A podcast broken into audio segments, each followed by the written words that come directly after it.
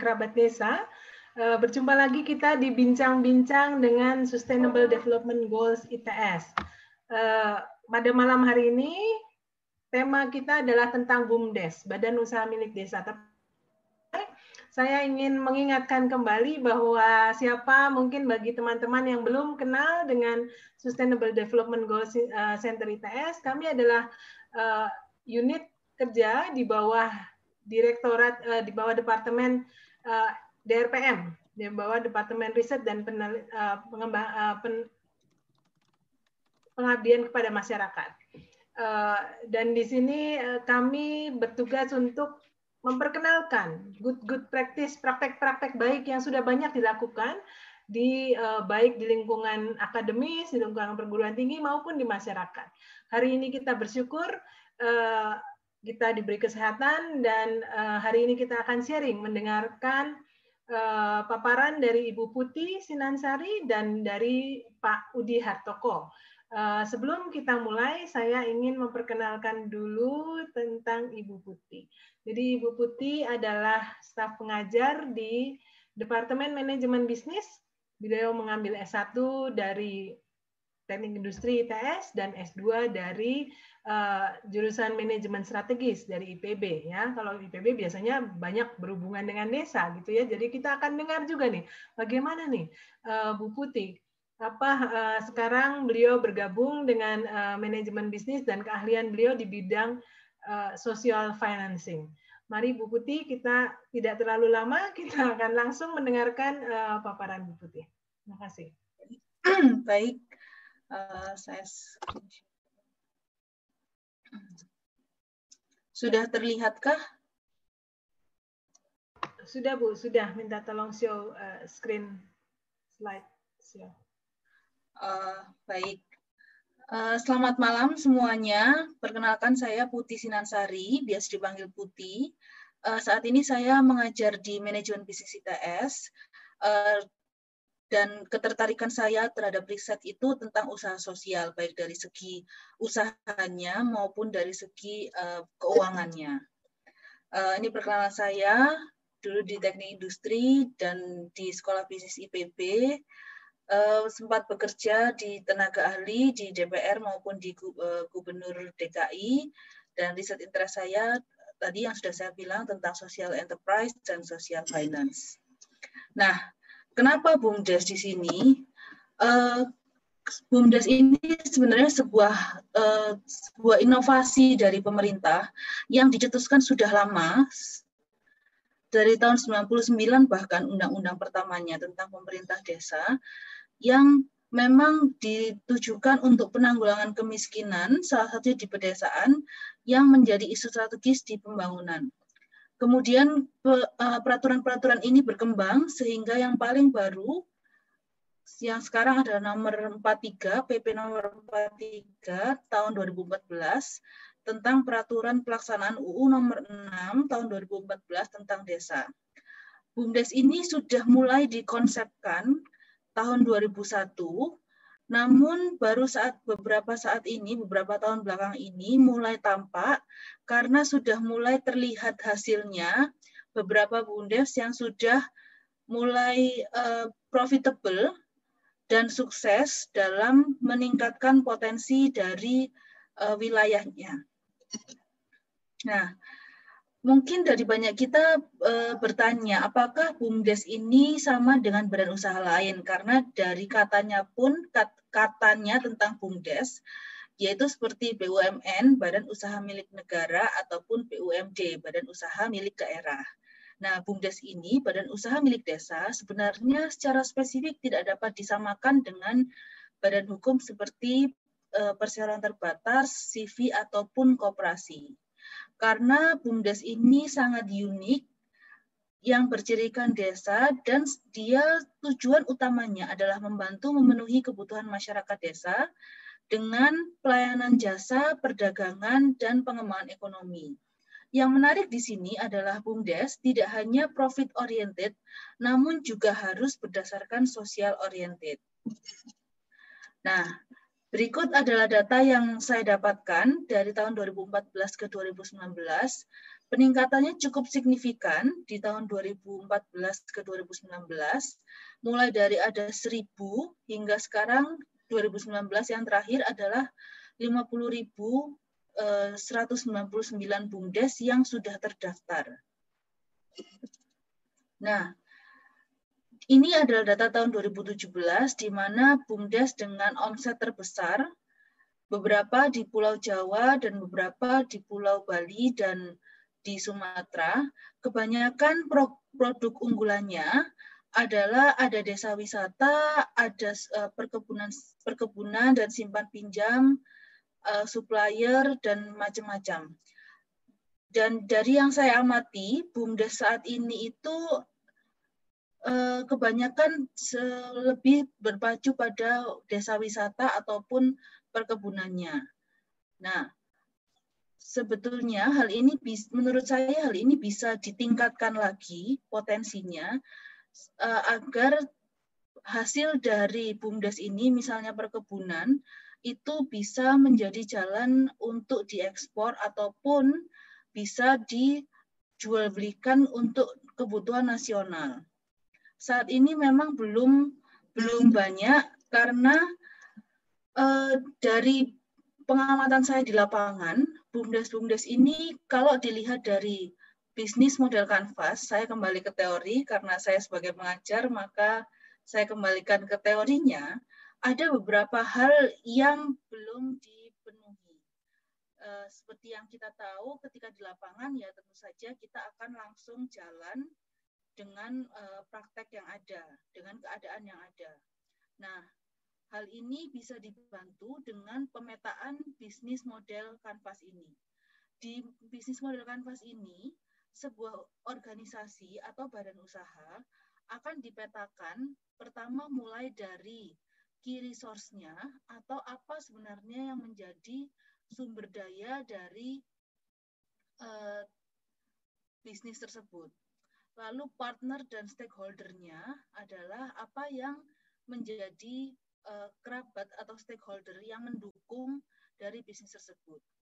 Key activity adalah kegiatannya, cost structure adalah biaya yang menopangnya, type of intervention berarti apa yang menjadi uniqueness dari badan usaha tersebut, channelnya berarti adalah bagaimana tipe distribusinya, lalu surplus adalah bagaimana dia mau menginvestasikan dari profitnya, Segmen berarti dia sudah menentukan segmen apa dari produknya.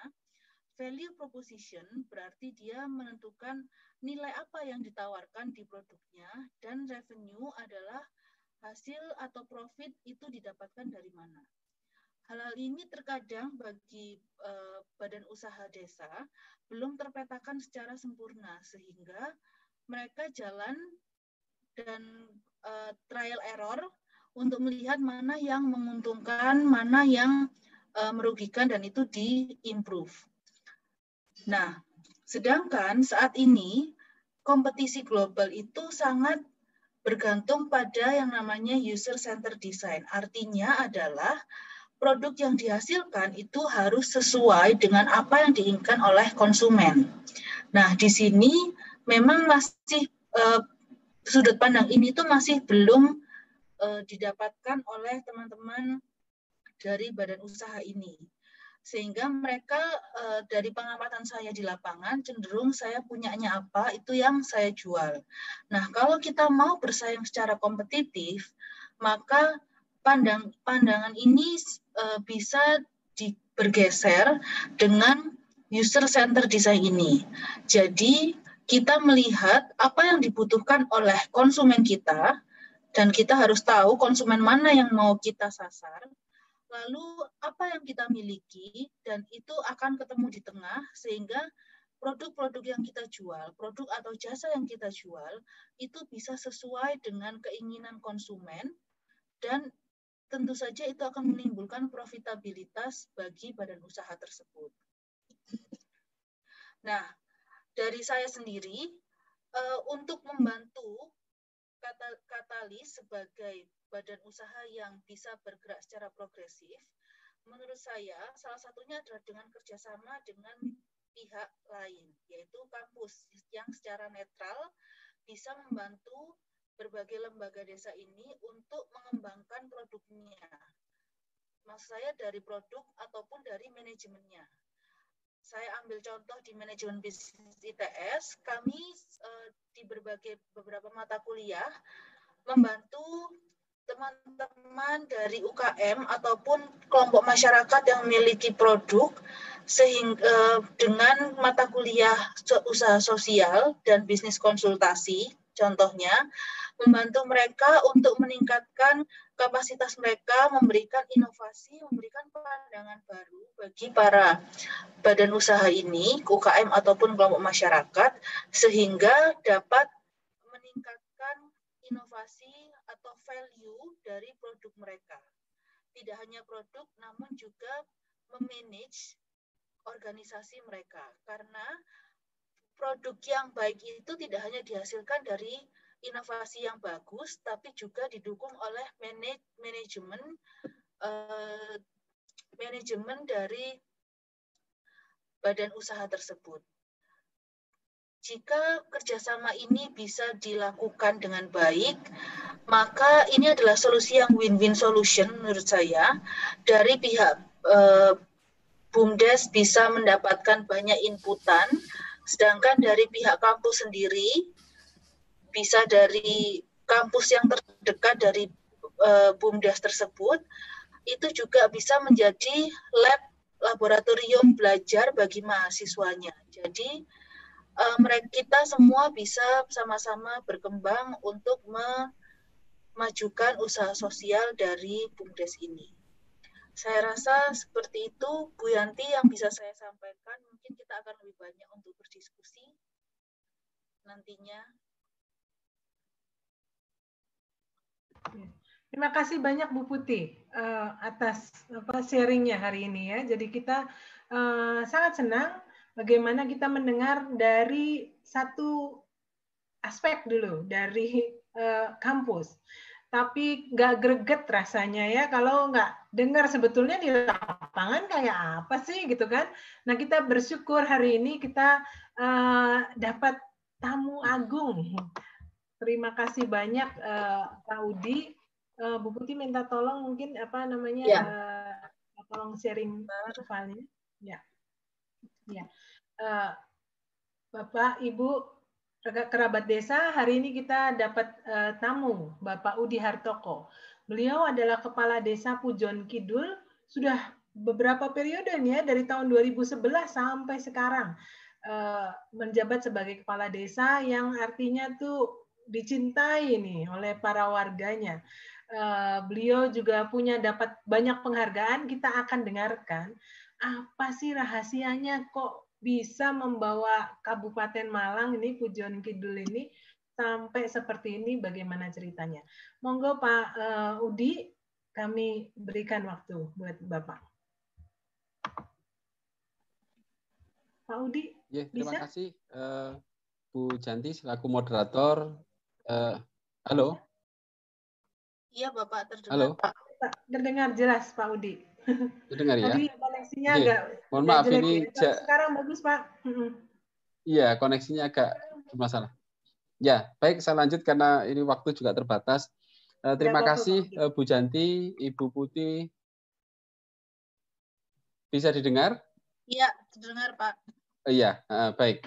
Saya lanjutkan uh, atas waktu yang telah diberikan kepada saya uh, terkait Badan Usaha Milik Desa sebagai badan uh, usaha sosial dan juga uh, profit oriented di tingkatan desa memang menjadi satu bahasan yang menarik uh, di tingkatan desa dan memicu kepada desa-desa untuk berlomba-lomba membuat uh, badan usaha milik desa di desanya. Tentunya ini semuanya diatur uh, di dalam peraturan Kementerian Desa. Kalau tadi disampaikan bahwasanya uh, banyak uh, bumdes yang sudah terdaftar di Kementerian Desa menjadi pertanyaan dasar bagi kita dan pertanyaan besar bagi kita semuanya apakah itu memang sudah memang memang benar-benar bergerak di bidang yang sudah ada dan sudah berjalan ataukah hanya namanya saja? Saya khawatir data yang tersaji itu justru hanya namanya saja. Karena begini eh, BUMDes itu kalau kami memandang secara pribadi saya bersama dengan masyarakat Pujon Kidul memandang bahwasanya BUMDes adalah eh, bentuk implementasi hadirnya negara di tengah-tengah masyarakat. Jadi kalau dikatakan bahwasanya BUMDes itu tidak di, beda dengan koperasi CV memang betul karena memang di Undang-Undang Desa disebutkan bahwasanya desa punya kewenangan. Tentunya mulai Sabang sampai Merauke itu memang tidak bisa kita seragamkan. Nah, inilah sebenarnya kemerdekaan dari uh, sebuah desa.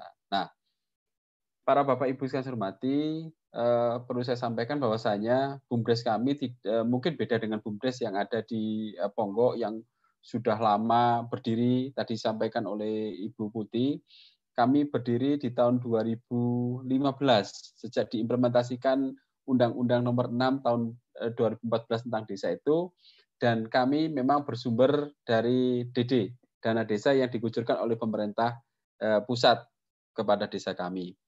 Eh, lanjut saja, bisa dilanjut slide-nya ya. Terus lanjut. Oke, lanjut terus. Inilah luas wilayah kami, para Bapak Ibu yang hormati. Jadi potensi yang bisa muncul di sini yang bisa dilihat adalah penghasilan utama masyarakat kami adalah pertanian dan peternakan. Secara geografis, kami uh, lebih dekat dengan kota wisata Batu. Inilah potensi yang sangat luar biasa. Jumlah dusun ada tiga dengan potensi, karakter, dan masalah yang berbeda. Lanjut lagi. Uh, modal ini menjadi modal kami untuk uh, menata bumdes kami. Lanjut. Nah, para Bapak Ibu sekalian hormati, kurun waktu empat uh, tahun berjalan 2015 sampai 2019 kami bisa membuat uh, 8 unit usaha. Kurun waktu empat uh, tahun berjalan. Nah, kok bisa seperti itu? Ini menjadi pertanyaan. Kenapa? Banyak desa itu yang mendirikan bumdes namanya, tetapi mau, mau memulainya dari mana? Ini menjadi persoalan, gitu ya. Mulainya dari mana sih? Apa yang harus kita kerjakan dulu? Nah, Pujon Kidul mengambil langkah-langkah ini ada sembilan langkah, kalau tak delapan langkah ini yang kita lakukan di dalam rangka mengembangkan BUM Desa. Jadi BUM Desa itu muncul dan kami buat itu bukan semata-mata hanya menuruti, hanya menuruti instruksi atau eh, apa yang ada di Undang-Undang Desa, tetapi kami hadir BUM Desa itu untuk eh, mengatasi masalah yang ada di masyarakat.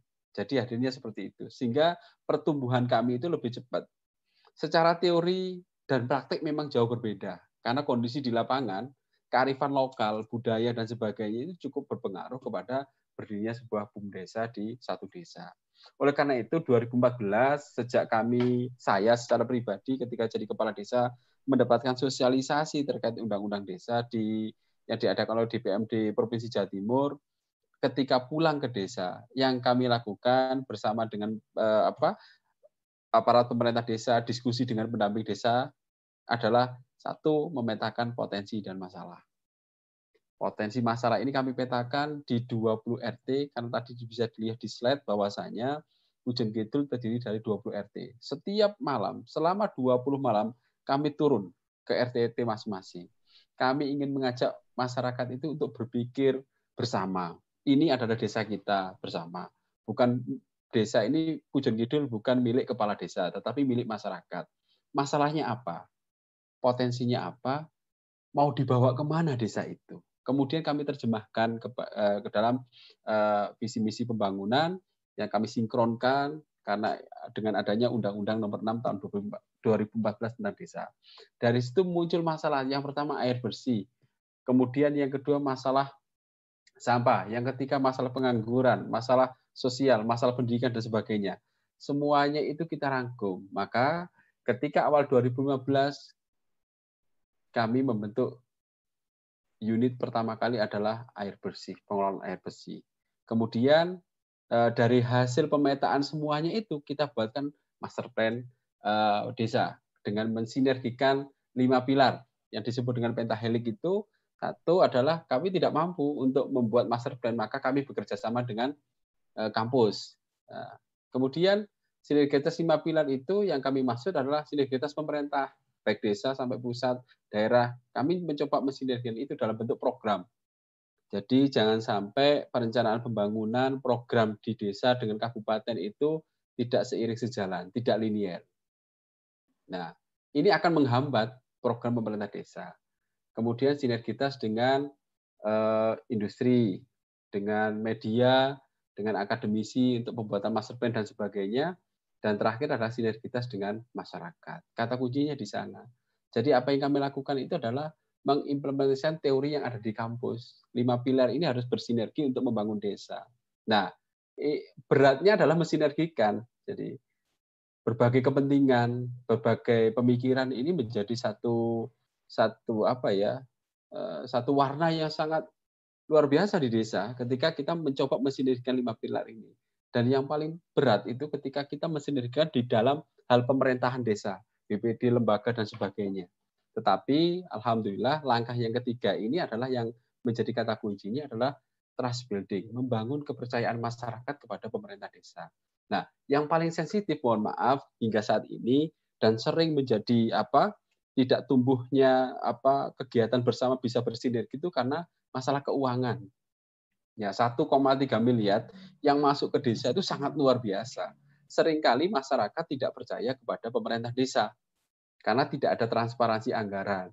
Masih ada eh, kepentingan pribadi, baik itu dari lembaga, mungkin mohon maaf, dari kepala desa pribadi itu masih ada kepentingan di masalah anggaran. Inilah yang muncul di hampir seluruh desa itu terjadi hal ini. Sehingga apa? Tidak ada kepercayaan masyarakat kepada pemerintah desa yang nantinya sinergitas lima pilar yang terakhir masyarakat ini tidak muncul. Alhamdulillah di Pujon Kidul sejak sebelum ada uh, dana desa, kami masih mengolah ADD sebesar 172.900.000 rupiah dari pemerintah kabupaten. Sudah kami pasang besar-besar di luar untuk apa saja kegiatan-kegiatan uh, keuangan yang ada di APBDes kami yang bersumber dari ADD. Sehingga masyarakat semakin percaya kepada pemerintah desa.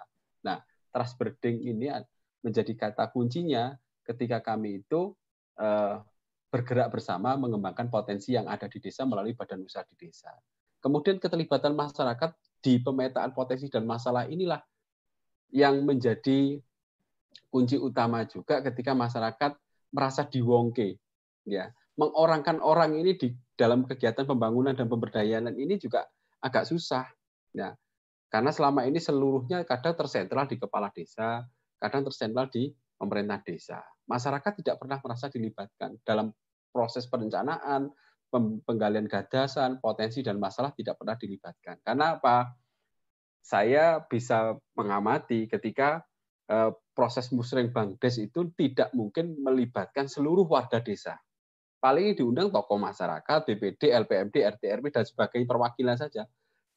Tetapi bagaimana Kang Jo, Yutun, dan sebagainya yang mereka berutani, pernahkah kita ajak ngomong persoalan desa? Pernahkah kita ajak ngomong bagaimana masa depan desa ini? Ini menjadi kata kuncinya. Jadi seperti itu, para Bapak Ibu saya hormati. Kemudian keterbukaan informasi pembangunan, kita semuanya terbuka. Semuanya memang kita tercatat, ada berita acara dan sebagainya. Sehingga masyarakat, oh kemarin usulan saya sudah tertulis ini. Anggarannya sekian akan dilaksanakan tahun ini dan sebagainya. Itu kita sampaikan kepada masyarakat. Kemudian yang tidak kalah penting adalah bagaimana pengelolaan potensi desa itu kita kelola sesuai kebutuhan masyarakat, bukan keinginan masyarakat. Tahunya sesuai kebutuhan masyarakat di mana? Karena kita melakukan pemetaan potensi dan masalah. Ya, yang paling banyak itu yang terjadi ketika meskipun muslim bangdes yang kita kelola potensi ini sesuai dengan keinginan bukan kebutuhan. Ya, ingin saya ini itu dan sebagainya bukan kebutuhan inginnya. Ya, kalau perlu masyarakat itu inginnya, itu ya sesuai siapa power yang paling kuat ya itu yang kita laksanakan. Ini menjadi masalah di masyarakat. Kemudian kami lebih fokus pada pemberdayaan masyarakat, bukan pembangunan infrastruktur. Di awal 2015, 16, 17 anggaran dana desa lebih fokus banyak kepada pemberdayaan. Kami sadar bahwasanya yang dapat menyelesaikan eh, permasalahan di desa itu adalah masyarakat. Ya, manusianya, bukan infrastrukturnya. Kami mengajak berpikir di sana. Jadi keterlibatan masyarakat di dalam hal e, pembangunan ekonomi lebih banyak fokus kepada pemberdayaan. Jadi fokus titiknya di sana. Jadi sekitar 50 persen, nggak ada 50 persen itu pembangunan infrastruktur. Selebihnya lebih fokus pada hal kegiatan pemberdayaan. Kemudian yang tidak kalah penting lagi adalah melestarikan nilai-nilai kearifan lokal desa. Jadi banyak hal yang kami selesaikan masalah-masalah di masyarakat tidak harus melalui proses musyawarah harus rapat di desa. Tidak. Kami dengan eh, kearifan lokal yang ada di desa dengan jagong bersama ya santai duduk bersama pendekatan personal ternyata itu bisa menyelesaikan masalah-masalah yang ada di masyarakat. Kadang ketika masyarakat itu diundang rapat mereka tidak berani menyampaikan keluh kesahnya kepada pemerintah desa mereka tidak mau menyampaikan di forum karena malu dan sebagainya. Ini kultur yang ada di desa seperti itu. Nah, ini kearifan lokal inilah yang kita kedepankan. Karena desa itu ada nilai-nilai yang tidak tertulis, ya, yang ini berlaku di masyarakat dan kita harus paham. Makanya eh, pemerintah pusat tidak bisa menyeragamkan segala aturan itu berlaku seluruh desa. Nah, kita gali kearifan lokalnya apa. Nah, saya ada tanda tanya juga ketika desa itu desa adat. Bagaimana bumdesinya seperti apa? Apakah harus manut aturan ABC seperti pusat? Tidak bisa. Nah, oleh karena itu ketika dulu ada wacana bahwasanya eh, bumdesa itu harus menjadi PT dan CV, saya orang pertama kali nggak setuju. Karena apa? Bumdesa itu bukan hanya profit oriented. Kalau sudah PT atau CV, yang berjalan adalah kapitalisme. Bagaimana masyarakat desa itu bisa mengakses? Tidak mungkin siapa yang punya modal besar ya dengan eh, memainkan saham maka dia akan mempunyai eh, kekuatan di sana dan ini akan mencederai yang namanya Undang-Undang Nomor 6 eh, tahun 2014 tentang desa. Jadi kemerdekaan desa tidak ada di sana. Hak masyarakat secara umum tidak akan terakomodir karena sudah ada yang PT, CV dan sebagainya. Tetapi alhamdulillah saya kemarin membaca berita online, kemudian siaran video yang dibagikan oleh Eh, teman-teman di pendamping desa dan sebagainya, termasuk komunitas cinta desa itu, eh, sekarang DPR RI dalam hal ini sebagai wadah yang mengakomodir kepentingan kita di desa, eh, sudah menyampaikan bahwasanya BUM desa itu akan berbadan hukum. Bukan hanya PT atau SIP, tapi badan hukumnya adalah BUM desa. Meskipun di aturan yang lain di agraria itu juga sebenarnya BUM desa itu berbadan hukum. Tinggal mekanismenya ke depan ini bagaimana. Ini yang harus kita dorong terus. Kemudian yang terakhir adalah regenerasi, keterlibatan generasi muda di dalam rangka pengelolaan potensi desa, termasuk di dalamnya adalah BUM desa. Perlu diketahui para Bapak Ibu sekalian hormati, bahwasanya BUM desa kami itu ada 167 karyawan. Ya, 167 karyawan, termasuk pengurus di dalamnya. Kalau dihitung hanya 10 persen, nggak nggak sampai 10 persen itu yang usianya di atas saya dan se, uh, seusia dengan saya. Ya, semuanya anak muda semuanya. Jadi kita lebatkan anak muda. Karena apa? Kami sadar, saya sadar, ya tidak selamanya saya menjadi kepala desa. Butuh generasi penerus. Jadi kita hanya membimbing, membina dan sebagainya melalui pemerintah desa sebagainya. Kepala desa posisi komisaris tapi memberikan ruang kepada pemuda untuk apa berkreasi, berinovasi bagaimana mengelola potensi desa itu sesuai dengan kebutuhan masyarakat, sesuai dengan kondisi yang ada yang ada di Bujang Kidul. Para Bapak Ibu yang hormati, mohon maaf saya, saya sampaikan bahwasannya kami itu mempunyai potensi bentang alam yang luar biasa. Ya, karena sejuk, udaranya ada gunung dan sebagainya. Tetapi secara SDM kami itu sebenarnya tertinggal gitu ya, tertinggal. Bujang Kidul dulu sebelum ada undang-undang desa, sebelum ada dana desa dan sebagainya itu kalau di ranking, mohon maaf, di Kecamatan Pujon yang terdiri dari 10 desa, kami itu ranking satu, tapi dari bawah. Tapi alhamdulillah dengan kita bergerak bersama dengan niatan tulus ikhlas, pengabdian kepada masyarakat, kita tidak ada kepentingan ego pribadi dan ego sektoral, kita bergerak bersama sehingga saat ini bukan hanya di tingkatan kecamatan, tapi tingkat nasional kami juga cukup mewarnai terkait kegiatan pemberdayaan. Tiga hal, uh, beberapa hal ini, langkah pengembangan potensi desa melalui BUM desa inilah yang menjadi kata kunci kami ketika BUMDes kami bisa bergerak hingga saat ini dengan uh, eh, 8 atau 9 unit usaha. Insya Allah tahun ini akan tambah dua unit usaha lagi, ya, yang berkembang di Pujon Kidul. Lanjut, uh, lanjut lagi. Inilah unit yang kami saat ini berada. Eh, di Pujon Kidul. Jadi kami bersinergi bersama dengan LPMD, kelompok ternak, Kapotan, PKK, Podaruf dan sebagainya eh, dan BUM Desa Sumber Sejahtera sebagai eh, motor penggerak di ekonomi desa. Jadi kelompok ternak yang bergerak bersama dengan unit wisata desa.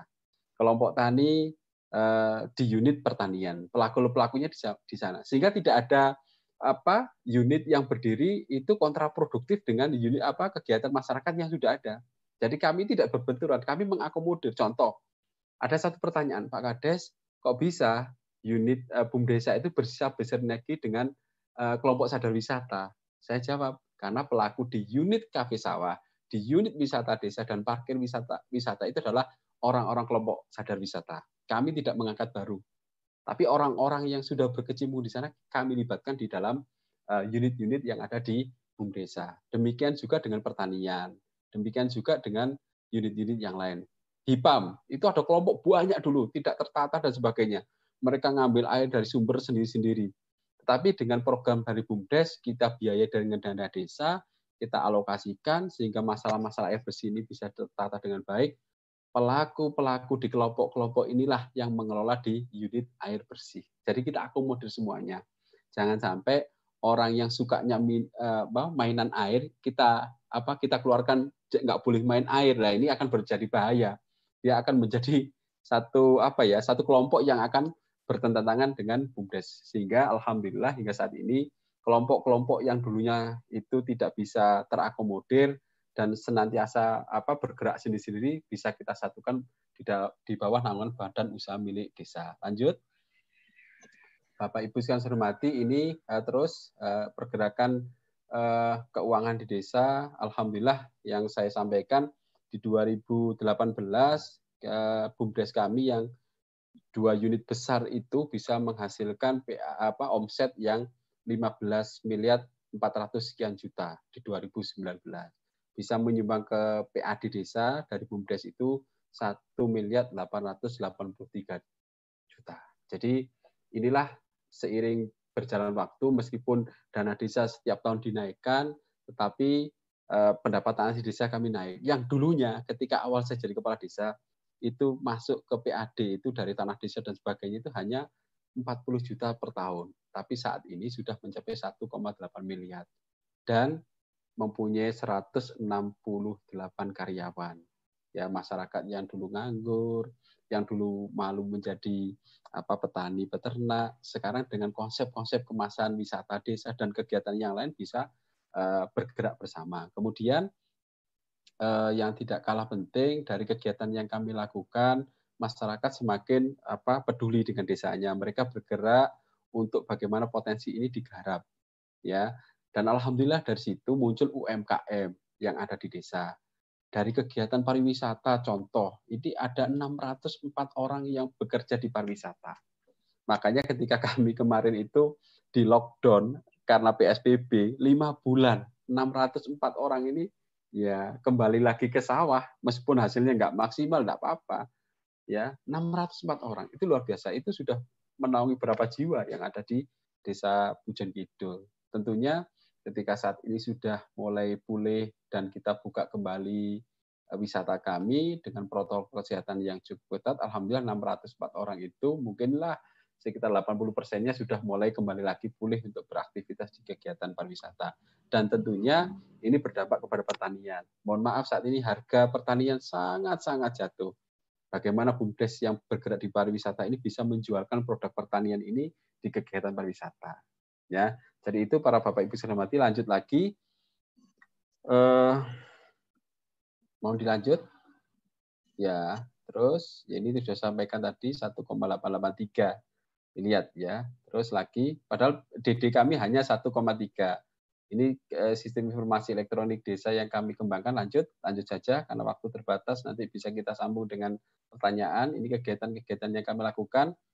Eh, jadi kami mendirikan unit itu tidak boleh bertentangan dengan kegiatan yang sudah ada di masyarakat. Jadi mohon maaf dari 8 unit itu kami tidak mendirikan unit simpan pinjam. Karena simpan pinjam sudah ditangani oleh koperasi wanita, di SPP simpan pinjam perempuan dan kegiatan simpan pinjam yang lain. Jadi apa yang sudah dilakukan masyarakat biarkan. Kayak ini kami itu di masyarakat penghasil susu rah ya susu sapi ini kami tidak mengolah air susunya. Yang kami kelola adalah prosesnya melalui unit wisata desa. Jadi eh, ketika kami mengembangkan pariwisata itu ada tiga hal yang kami menjadi pedomani adalah satu something to see apa yang bisa kita lihat. Tapi yang lebih penting adalah something to do. Apa yang bisa kita lakukan di Pujon Kidul ketika kami berwisata di sana. Ada value yang lebih di sana. Ada transfer knowledge antara masyarakat desa dengan wisatawan. Itu yang kami garap karena apa air susu sapi ini sudah diterima oleh koperasi SAE Pujon jadi yang kita jual adalah prosesnya jadi itu ada nilai tambah di masyarakat sehingga dulu masyarakat itu malu menjadi peternak, sekarang bangga karena mereka bisa menyampaikan informasi-informasi yang eh, apa sifatnya edukasi kepada wisatawan yang datang. Mereka bangga, saya peternak, tapi saya bisa menyampaikan transfer knowledge kepada wisatawan sehingga mereka menjadi pemateri ya di kegiatan-kegiatan wisata edukasi peternakan. Ketika di pertanian sama, dulu mereka malu menjadi petani karena dilihat orang kayaknya pekerjaan kotor. Tapi ketika kami konsep wisata itu menjadi edukasi pertanian, mereka bangga. Meskipun saya petani loh, orang kota juga mendengarkan loh paparan saya. Mereka juga butuh informasi terkait pertanian. Mereka juga belajar dan kami bisa menyampaikan. Inilah eh, value yang ketika kami kembangkan ketika eh, wisata desa atau unit wisata desa ini berjalan. Ada petik sayur dan sebagainya. Lanjut lagi. Eh, lanjut. Ya. Nah, inilah Bapak Ibu sekalian hormati salah satu kegiatan yang yang kita kemas di desa wisata dalam rangka mempromosikan desa wisata. Jadi ketika momen-momen tertentu itu mesti ada kegiatan-kegiatan budaya karena kita tidak lepas dari budaya. Bagaimana kami menangkap peluang itu melalui Badan Usaha Milik Desa. Kami mengatakan yang namanya Festival Warung Obrik di setiap tahun. Kalau dulu yang jualan itu orang luar desa, ya di masa pemerintahan saya sejak tahun 2016 kita balik. Yang jualan adalah masyarakat desa bisa dilihat di gambar ini ada stand-stand yang konsepnya jadul gitu dan sebagainya itu yang jualan adalah masing-masing RT. Jadi ada 20 stand. Kita tambah lagi karena memang barengan dengan pentas gelar budaya itu sebagai hiburannya. Kita kolaborasikan sehingga apa? Ibu-ibu di RT dan sebagainya bisa jualan di sini. Kita pro banter-banteran bareng-barengan dengan travel agent dan sebagainya. Sehingga apa? Transaksi tiap malam selama tiga hari itu ya setiap malam per stand itu rata-rata 2 juta kali 20 stan, sudah 40 juta. Kali tiga hari berapa? Jadi perputaran uang di desa itu sangat luar biasa. Sama halnya dengan produksi paving, bataku, dan sebagainya. Teman-teman BUMDes produksi, kami pemerintah desa TPK yang beli. Sehingga apa? Kami tidak beli keluar. Ya, serapan tenaga kerja akan muncul di sana di unit produksi paving bataku. Sama halnya dengan ini. Ketika momen kegiatan-kegiatan yang ada di desa kita kolaborasikan dengan promosi wisata, maka terjadi perputaran uang justru yang datang dari luar desa itu banyak sekali dari Malang, dari Batu dan banyaklah yang datang ke tempat kami itu untuk merasakan sensasi belanja di desa wisata Pujon Kidul. Inilah bentuk satu inovasi kami yang kami lakukan bersinergi menggabungkan kearifan lokal, budaya dengan nilai ekonomi yang ada di desa. Lanjut lagi. Nah, ini kafe sawah menggunakan uh, apa? Uh, dana desa di 2016 bulan Oktober dengan support anggaran 60 juta lahannya milik desa. Oke. Kanan kiri masyarakat kita ajak untuk berkolaborasi. Ya, karena apa konsep desa wisata di bawah eh, pengelolaan buah dan usaha desa ini bagaimana masyarakat sebagai pemilik, pelaku dan pengelola. Hanya 60 juta di 2018. 2017 saya tambah lagi 150 juta. Selebihnya saya suruh mandiri. Stop, kamu harus mandiri. Kamu harus bergerak mandiri untuk mencukupi kebutuhan kamu. Kami akan bergerak di unit yang lain mendirikan kegiatan-kegiatan yang lebih produktif di unit yang lain. Ini uh, menjadi ikon kami. Sekarang saat ini kami juga menggarap namanya kampung budaya di dusun yang berbeda. Kemudian kolam pemancingan dan kegiatan-kegiatan pariwisata yang lain dan juga kami berkolaborasi dengan desa-desa penyangga yang lain untuk menjadi satu kawasan perdesaan menjadi paket wisata yang berbarengan dengan desa wisata Pujon Kidul. Lanjut. Ini beberapa penghargaan Bapak Ibu saya hormati kurun waktu 2016 sampai 2019 ya. Eh, baik homestay karena di sini unit wisata desa itu mengelola homestay yang ada di masyarakat. Ada 38 homestay yang ada di Pujan Kidul. Kami mendapat penghargaan ASEAN Homestay Standard.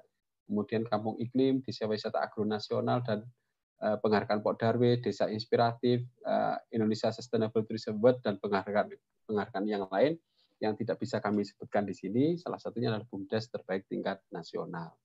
Eh, ini bukan untuk menyombongkan diri Bapak Ibu saya hormati, tetapi dalam rangka tahadus binikmah. Jadi biar kami itu senantiasa ini loh yang bisa kami lakukan. Jadi yang dulu desa Pujon Kidul itu menjadi desa tertinggal dari desa yang ranking 10 dari satu kecamatan kita nomor satu dari bawah kami bisa berbuat asalkan ada kemauan. Jadi pada prinsipnya niatan kami hanya satu, kami ingin bermanfaat untuk orang lain. Karena sebaik-baik manusia adalah manusia yang bermanfaat untuk orang lain. Mumpung ada kesempatan jadi kepala desa. Jadi inilah momen yang kami lakukan Bapak Ibu sekalian untuk membangun ekonomi bangkit dari desa. Lanjut lagi. Uh, selesai. Jadi make impossible possible. Jadi buat yang tidak mungkin menjadi mungkin karena semuanya mungkin terjadi. Ketika kami punya kemauan, diniati ibadah, hakul yakin Allah akan Tuhan akan membantu kita. Karena itu nilai manfaat akan dirasakan oleh masyarakat. Jadi eh, seperti halnya malam hari ini, saya nggak nggak terpikir ketemu dengan Bu Janti, Bu Putih, dan para bapak ibu saya hormati, tapi ternyata itu terjadi. Sama halnya dengan membangun desa. Jadi berangkat dari Bismillah, gitu ya, berangkat dari orang desa, hakul yakin kita akan bisa uh, bermanfaat untuk masyarakat dan negara ini. Mungkin itu Bapak Ibu saya hormati sedikit yang dapat saya sampaikan. Mohon maaf, pangapunten tadi agak telat ya. Saya juga ada dikduk ya, karena jaringan agak koreksi agak jelek tadi. Oke, terima kasih. Mohon maaf. Assalamualaikum warahmatullahi wabarakatuh. Selamat malam, salam sejahtera dan salam sehat untuk kita semuanya. Waalaikumsalam. Terima kasih banyak Pak Udi atas pencerahannya yang luar biasa. Uh, Pak Udi, ini ada beberapa pertanyaan ini Kak, masuk ke ya, HP Bu. saya. Iya. Atau Ibu Putih mau tanya dulu atau uh, boleh Ibu satu pertanyaan uh, awal. Uh, saya uh, amazed dengan Bapak ketika bicara tentang bagaimana menyatukan berbagai pendapat dari teman-teman di desa dengan yang punya kepentingan macam-macam menjadi satu tujuan uh, sebuah desa wisata Pujon Kidul. Kalau di perusahaan itu kan kita bisa uh, orangnya lebih uh, pegawai karena mereka pegawai maka mereka harus tunduk. Nah, ini kan masyarakat yang tinggal di desa tersebut.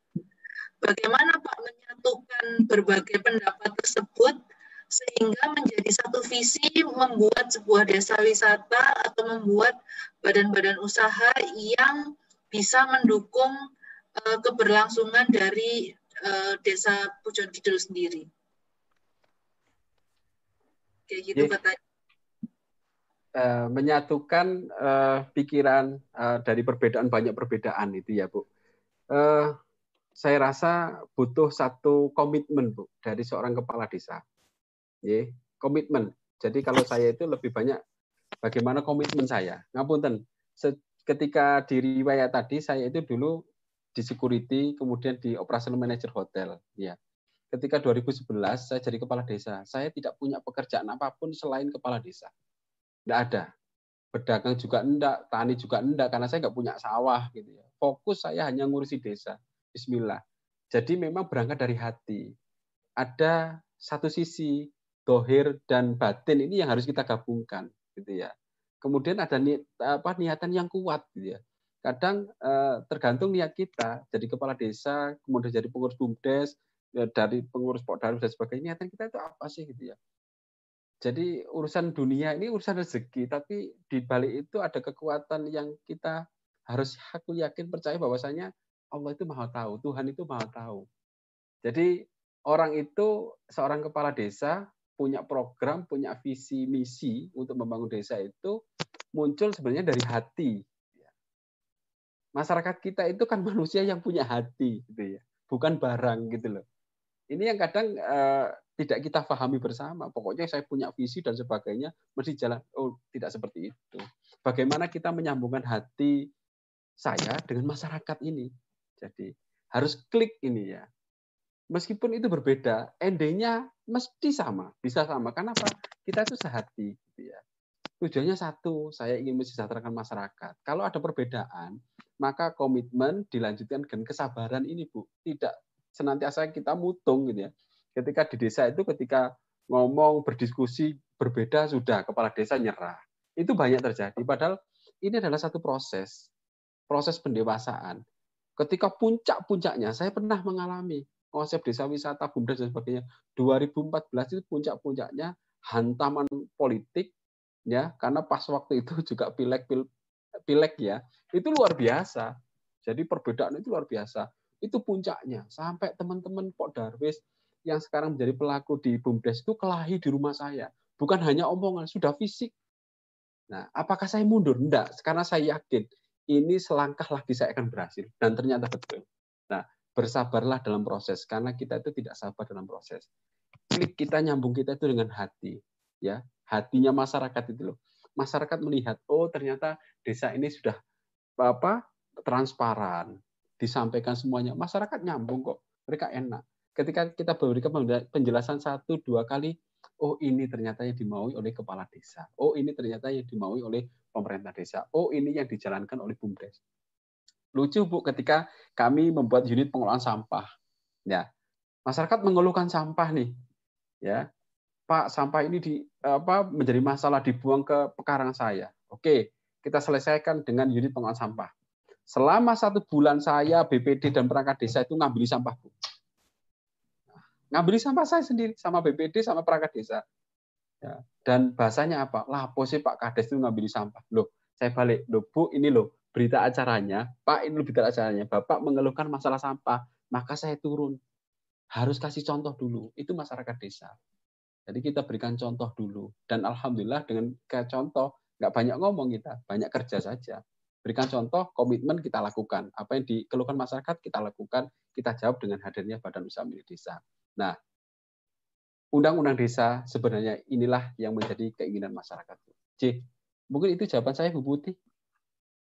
Luar biasa, Pak Udi. Pak Udi, ini saya membacakan pertanyaan berikutnya ya. J. Oh.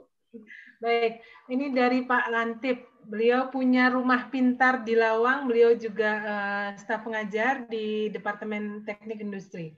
Jadi beliau tanya, Pak, sering kali kita tahu bahwa kalau di daerah itu perteng apa pertentangan antar kandidat yang menang dan yang kalah ya. J. Bagaimana Bapak merangkul kandidat yang kalah saat pemilihan desa sehingga bisa menjadi satu komitmen bersama. J. Ada banyak Pak, ini pertanyaan ada tiga. Saya bacain satu dulu ya.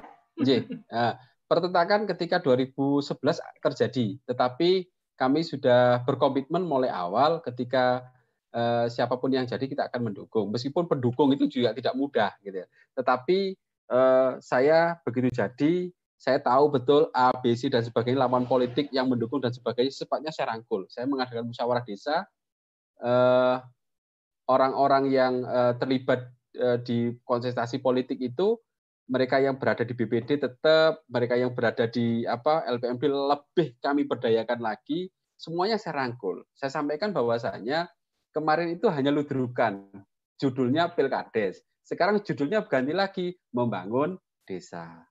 Dan alhamdulillah Ibu, Bapak selama 2011 sampai 2017 karena saya periodenya itu Eh, gejolak bisa kita atasi. Karena apa? Saya lebih mengedepankan silaturahmi gitu ya. Karena semuanya saudara gitu kan. Saya eh, berkunjung ada lima masjid. Momen itu saya manfaatkan ketika Jumatan jagongan dengan takmir masjid tokoh masyarakat untuk menampung aspirasi dan sebagainya. Dan 2017 eh, alhamdulillah lawan saya adalah istri saya sendiri. Jadi ini lawan terberat yang yang saya tidak pernah menang ini kalau dengan istri. Tapi alhamdulillah ini bisa kita lalui bersama. Jadi karena tidak ada yang mencalonkan istri saya sendiri. Jadi eh, yang terpenting adalah bagaimana niatan kita saja, Bu. Jadi tadi kembali lagi mereka punya hati, kita juga punya hati. Seperti itu Bu Janti. Pertanyaan berikutnya, terima kasih banyak Pak. Wah luar biasa.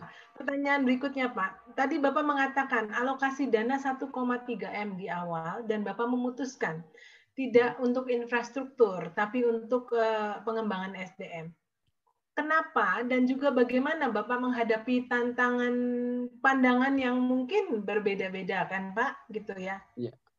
Uh, iya.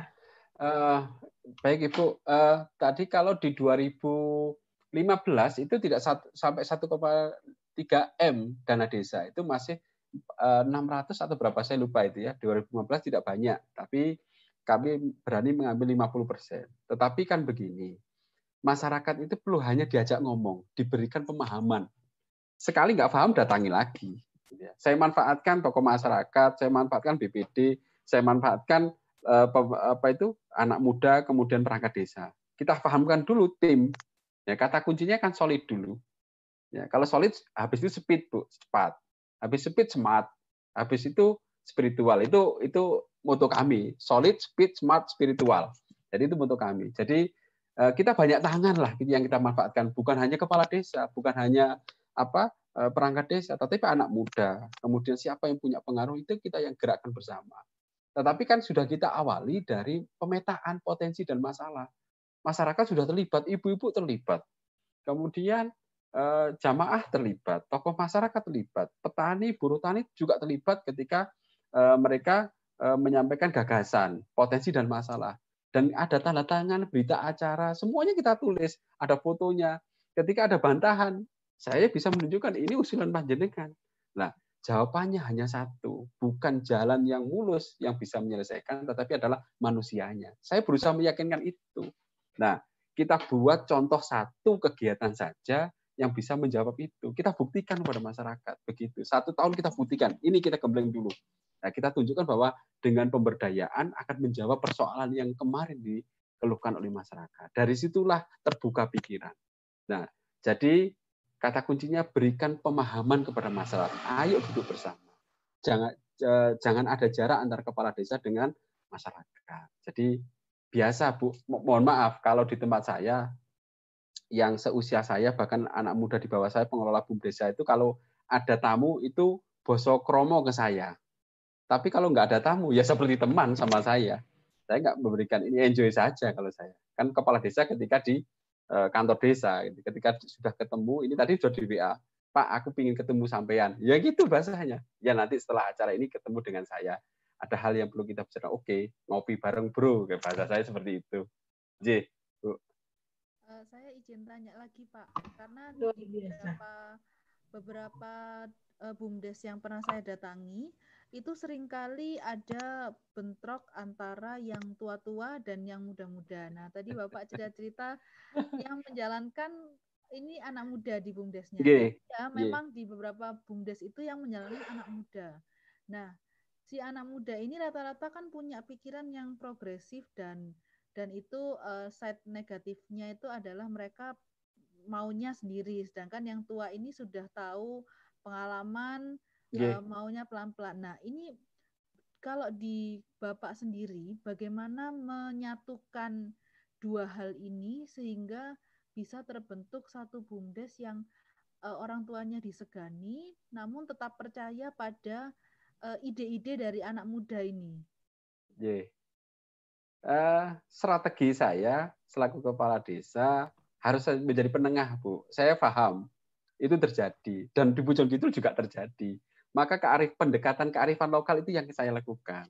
Jadi begini, ketika ngumpul dengan yang tua, momennya adalah ketika ada pengajian atau jamaah. Itu yang kami lakukan. Jadi anak-anak muda saya dorong, yuk bikin jamaah tahlil atau apa yang bisa ngumpul bersama. Anak-anak muda yang berinisiatif.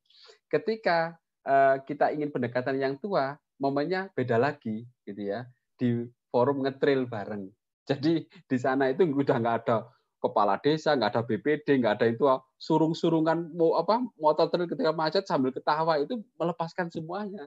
Dan ketika santai makan bareng mengeluarkan unek-uneknya. Jadi ini momen ini yang kita lakukan. Jadi hal-hal ini kearifan lokal itu yang kita coba kolaborasikan bersama dengan uh, antara yang tua dan yang muda. Pertentangan masih terjadi karena memang beda zaman, ya beda pola pikir itu terjadi. Dan saya juga merasakan itu, Bu. Jadi tapi hal-hal kecil itu kami lakukan. Kayaknya sepele, ayo ngopi bareng yuk keluar, hanya beberapa orang.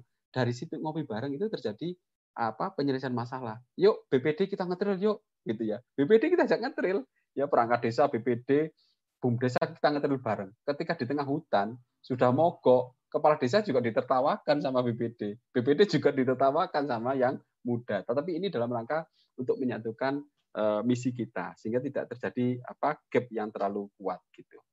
Jadi itu yang kami lakukan. Jadi kembali kepada kearifan lokal. Jadi, Menarik sekali. Ya, kita masih ada uh, tiga menit lagi nih Pak. Sebentar. Ini ada juga pertanyaan Pak. pada saat menentukan prioritas. Semua ya. tentu penting katanya, ya. Bagaimana memutuskan dari permasalahan yang tadi 10 atau berapa Bapak lakukan survei itu, kemudian Bapak menentukan, ya kita akan fokus dulu pertama di air bersih misalnya. Kenapa kok nggak yang Halo, ya Bu? Wah, sepertinya Bu Yanti. Ya Pak, saya ulang. Ya, ya. Pak, halo, bisa dengar? Halo, bisa, bisa Bu. Uh, tadi Pak, menentukan prioritas. Bagaimana yeah. Bapak menentukan prioritas? Karena semua penting.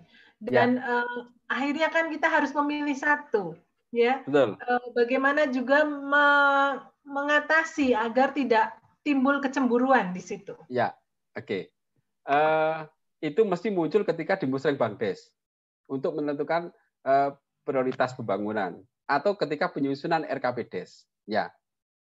Kepala desa punya visi misi pembangunan. Nah, ini yang tidak pernah dikaji, Bapak Ibu sekalian. Ketika ngomong musim bandes pembangun, ya pokoknya bangun infrastruktur itu membangun. Saya sampaikan, monggo silakan diusulkan semuanya, tetapi jangan keluar dari real, yang namanya RPG MDes kita. Saya punya misi ini dan sebagainya.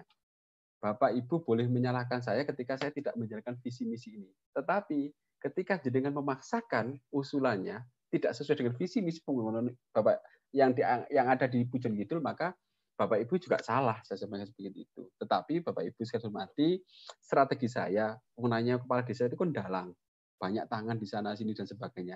Sebelum musreng Bangdes, apa yang menjadi skala prioritas pembangunan sudah kami bicarakan dengan BPD, LPMD, dengan PKK, dengan eh, perangkat desa. Nah, sebelum Muslim Bangladesh itu sudah kami gerak geremet istilahnya bahasa saya geremet di bawah sudah mulai bergerak. Nah, kalau kita nunggu Muslim Bangladesh nggak akan jadi. Sudah, coba biarkan liar masyarakat. Ini kan partisipasi masyarakat harus dijalankan. Nggak akan pernah yang namanya ada pembangunan pemberdayaan masyarakat atau pembangunan SDM. Yang ada infrastruktur semuanya. 1,3 miliar akan habis. Kemudian visi misi pembangunan desa di mana? Nah, inilah perlunya kesulitan di tim itu. Maka, kata kunci saya adalah kita solid di dalam dulu. Kenapa kok bisa solid? Jangan ada ego. Meskipun kepala desa, meskipun BPD, jangan ada ego.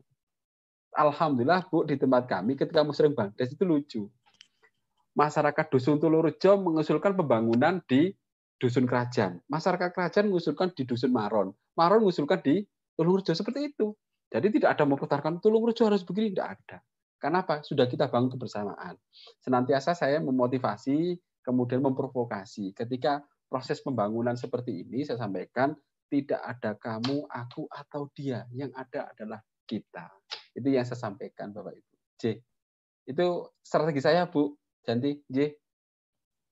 Luar biasa, Pak. Luar biasa. Ya, uh, Pak Toko ini Pak ada apa namanya pertanyaan berikutnya adalah kalau disebutkan tiga Pak, tiga kunci mana dia? Sebentar Pak, saya tanya. Tiga kunci utama uh, tips gitu ya Pak. Tiga tiga kunci sukses apa Pak? Tiga kunci sukses yang wajib deh kan ada banyak yang perlu. Aduh, pusing ya Pak. Maksudnya harus dimulai dari mana? Karena sangat luar biasa gitu. Tapi mungkin uh, ayo kunci suksesnya apa dulu gitu. Maksudnya ada tiga, bisa dibantu Pak? Teman-teman uh, ini tanya. Oke, oke, J, saya jawab ini, Pak. sesuai dengan apa yang saya alami. Tiga kata kunci suksesnya satu komitmen, kesungguhan, komitmen, fokus, komitmen ya. Bismillah itu komitmen di sana. Kemudian yang dua adalah sabar kesabaran dalam berproses gitu ya. Ini kata-kata sabar itu gampang diucapkan tapi susah sekali untuk dilaksanakan. Apalagi posisinya sebagai kepala desa, punya wewenang, punya jabatan dan sebagainya. Ketika ada yang usul kadang ah ini nggak sesuai dengan apa ini kayak pintar lebih pintar daripada saya. Nah, ini kita harus sabar di sana. Kemudian yang kedua, yang ketiga adalah spiritual. Kita harus senantiasa yakin dengan program yang kita lakukan bahwasanya Allah itu akan Tuhan itu akan membantu setiap apa yang kita lakukan bermanfaat untuk manusia. Jadi spiritual kita harus kuat. Jangan sampai seorang kepala desa itu tidak yakin dengan program yang akan dilaksanakannya, dengan visi misinya. Jadi komitmen, kesungguhan, kemudian kesabaran dan spiritual. Tiga hal ini yang menjadi kata kuncinya secara pribadi. Pangapunten kalau salah. J. Luar biasa Pak, luar biasa. Uh, terima kasih banyak nih Pak uh, Pak Udi atas segala ya, sharingnya. Tapi kita juga ingin memperkenalkan di sini ada Ibu Dr. Agnes Tuti. Uh, beliau Agnes. adalah. Assalamualaikum. Ya. Waalaikumsalam. Wah saya tadi saya ikut semua Pak.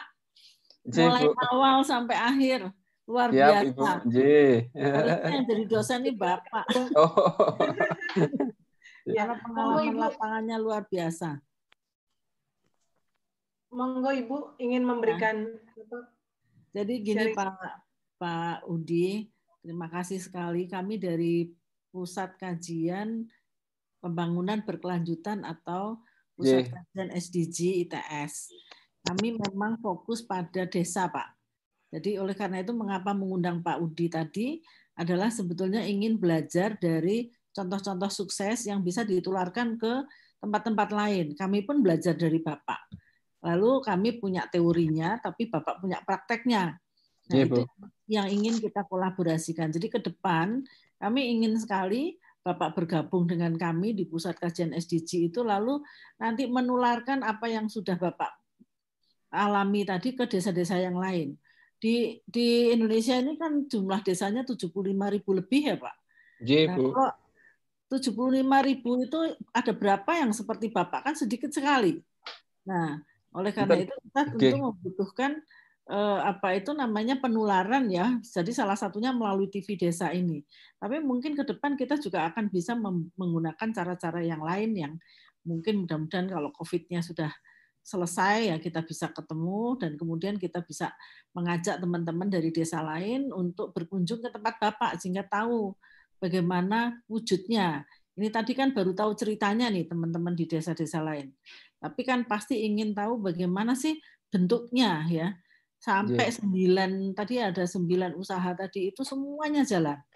Itu kan yeah. pasti dimimpikan juga oleh desa-desa yang lain.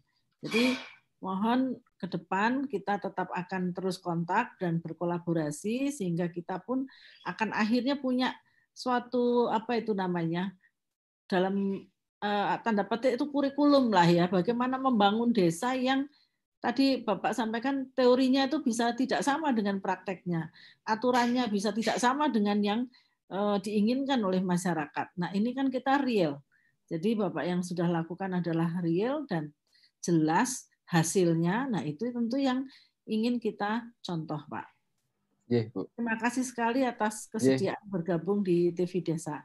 Yeah, terima kasih, Bu. Kami juga saya dengan masyarakat juga lagi proses belajar, Bu. Belajar karena tidak ada yang paling baik gitu ya. Kami lagi proses belajar, belajar dan belajar. Mudah-mudahan dengan uh, kesempatan kali ini bisa silaturahmi dengan Bu Agnes, dengan Bu Putih dan semuanya akan menambah wawasan kami. Tentunya kami senantiasa butuh pendampingan, butuh bimbingan untuk menata desa ini menjadi lebih baik lagi, Bu. Oke. Kenapa? Saya pengen langsung berangkat aja rasanya. Iya, terima kasih. Iya, terima kasih. Bu. Yanti.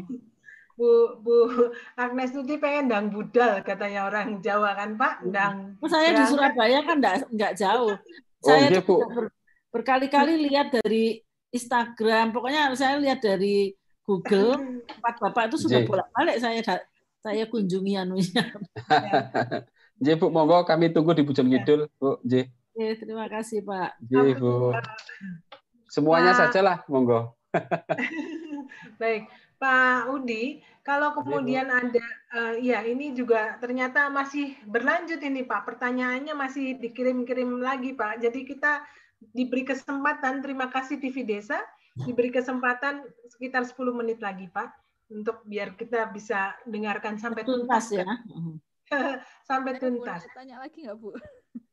Boleh, uh, Bu Putih dulu ya. Oke, Bu ya. Putih dulu ya uh, uh, dengan kondisi yang sekarang bahwa pariwisata itu masih bergerak lambat dan dikabarkan prediksinya itu masih sampai tahun depan, Pak. Sedangkan di Desa Wisata Pujon Kidul itu kan uh, yang utama itu kan adalah wisatanya. Berarti kan membutuhkan orang dari luar supaya uh, ada perputaran uang yang tinggi.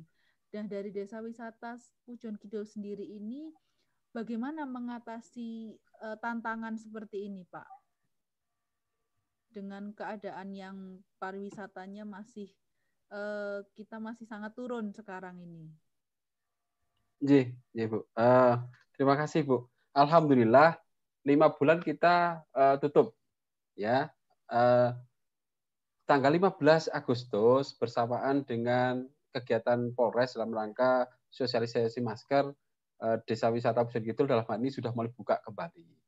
Kemudian kita menerapkan uh, protokol kesehatan yang ketat. Ternyata alhamdulillah uh, hikmah yang sangat luar biasa ketika kami di kita semuanya ya diberikan cobaan seperti ini ternyata kami bisa menata lebih baik lagi membangun kesadaran terutama dari pelaku wisata kita memang menerapkan protokol kesehatan yang cukup ketat ibu jadi pembatasan jumlah wisatawan jadi dalam satu waktu kunjungan kapasitas kami itu hanya 2000 ya.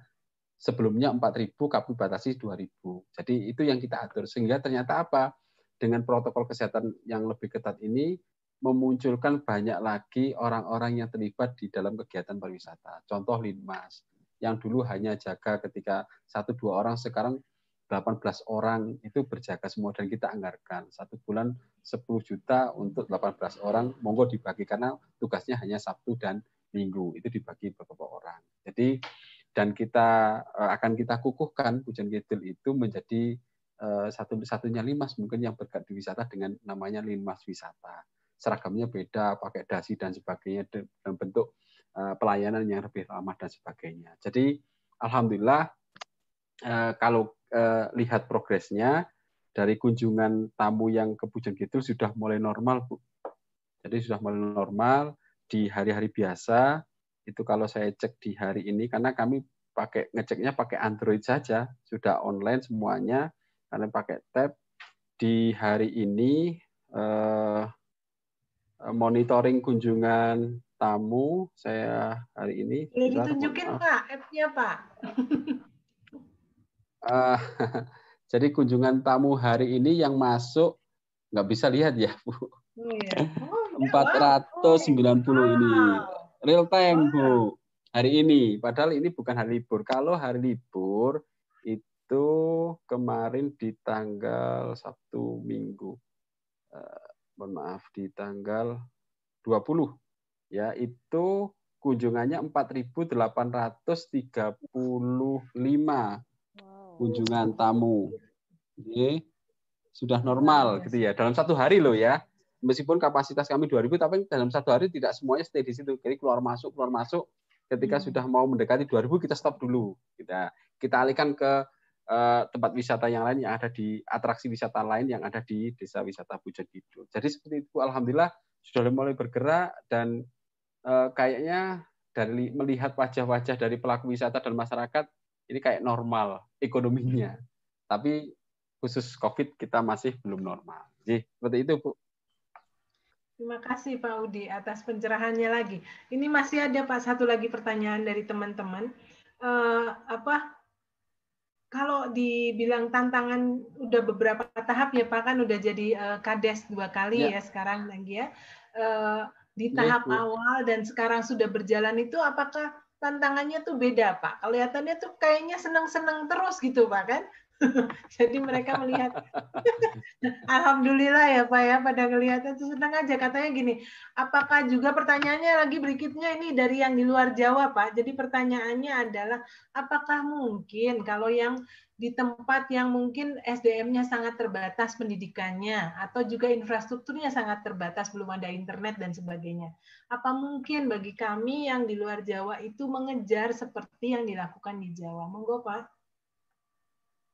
Jadi, uh, seperti moto saya tadi, make impossible possible. Tidak ada yang tidak mungkin. Semuanya mungkin terjadi. Sama halnya Pujon Kidul dulu dikatakan orang kayaknya tidak mungkin, kak iso dan sebagainya. Itu bahasa yang menurut saya bahasa sudah lama lah. Jadi sekarang ada dana desa, kemudian kita diberikan kewenangan. Nah, kami bergerak itu dari nol, gitu. Ya. sama sama dengan eh, desa-desa yang ada di luar Pulau Jawa. kuncinya tinggal kemauan mau apa tidak gitu loh. Jadi iya, mau apa tidak. Kalau nggak mau ya sudah.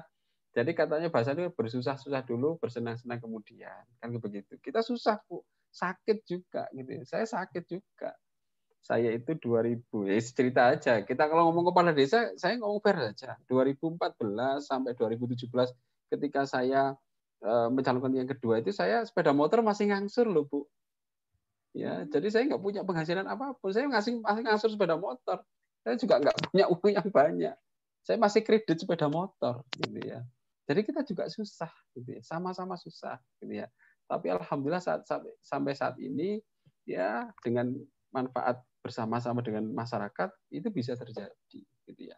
Jadi jangan melihat dari wisatanya potensi desa masing-masing desa itu berbeda petakan potensi dan masalahnya Kata kunci Mau apa tidak? Ya. Langkah pertama, memetakan potensi dan masalah dulu. Potensi yeah. dan masalah. Mengaku ya. Itu saya rekam ini Pak soalnya yeah. dari tadi. Terima kasih banyak. Lagi Pak pertanyaannya. Bagaimana memilih orang yang amanah, yang bisa menjalankan dan yang punya kemampuan, sedangkan kami masih terbatas SDM-nya. Bagaimana memilih orang Pak untuk mengelola usaha-usaha itu tadi? Memilih orang.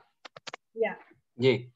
Berawal dari diri kita. Jadi begini, jangan berbicara hal yang besar ketika tidak bisa memulai dari hal yang terkecil.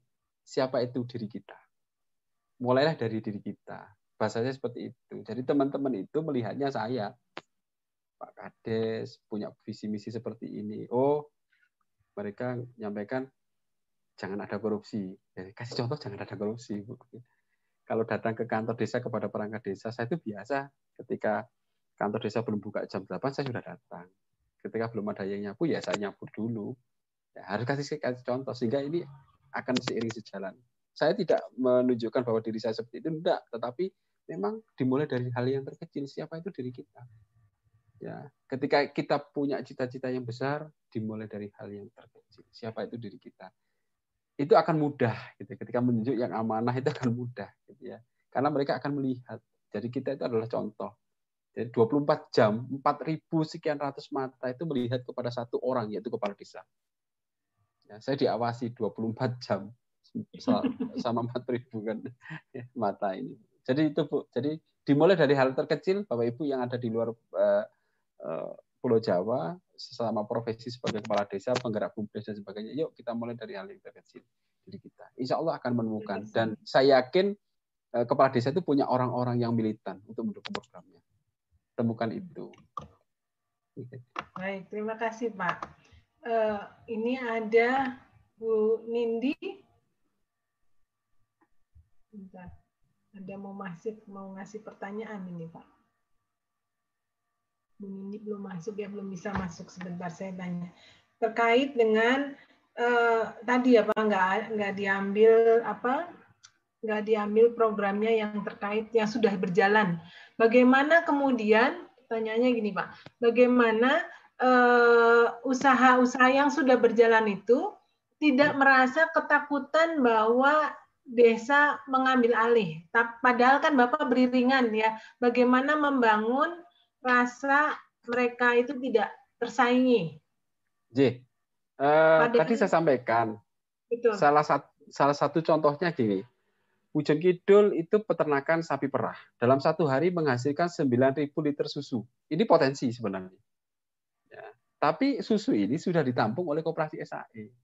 Dulu sempat ada kekhawatiran, wah ini kalau Pujon Kidul terus berkembang, susunya akan diambil. Enggak. Gitu ya. Jadi yang kami lakukan adalah uh, sisi celahnya mana yang bisa kita manfaatkan. Kita bisa bisnis di sana. Nah, Pujon Kidul ada kafe sawah, peternaknya ada. Tetapi yang kami lakukan, kami tidak membeli air susu dari peternak untuk uh, menyajikan minuman susu di kafe sawah. Tidak. BUMDes tidak beli ke peternak. Yang kami lakukan justru kami beli di koperasi SAE yang notabene sudah sejak awal mereka sudah berjalan. Kami tentunya minta harga potongan khusus karena jumlah liternya banyak dan sebagainya. Saya silaturahmi dengan pengurus koperasi SAE, saya sampaikan Eh, Bapak, Bapak Abdi, Bapak apa Pak Niam, saya menyampaikan saya ingin membeli susu di sini untuk kami jual di Kopra Kafe Sawah. Jadi memang kami larang, Bu. Itu perlu ketegasan. Kalau tidak, maka yang terjadi konflik antar lembaga. Itu yang kami lakukan. J. Jadi kami menampung justru, bukan kami membeli langsung gitu ya. Jadi petani ya, peternak untung, koperasi juga untung. Hmm.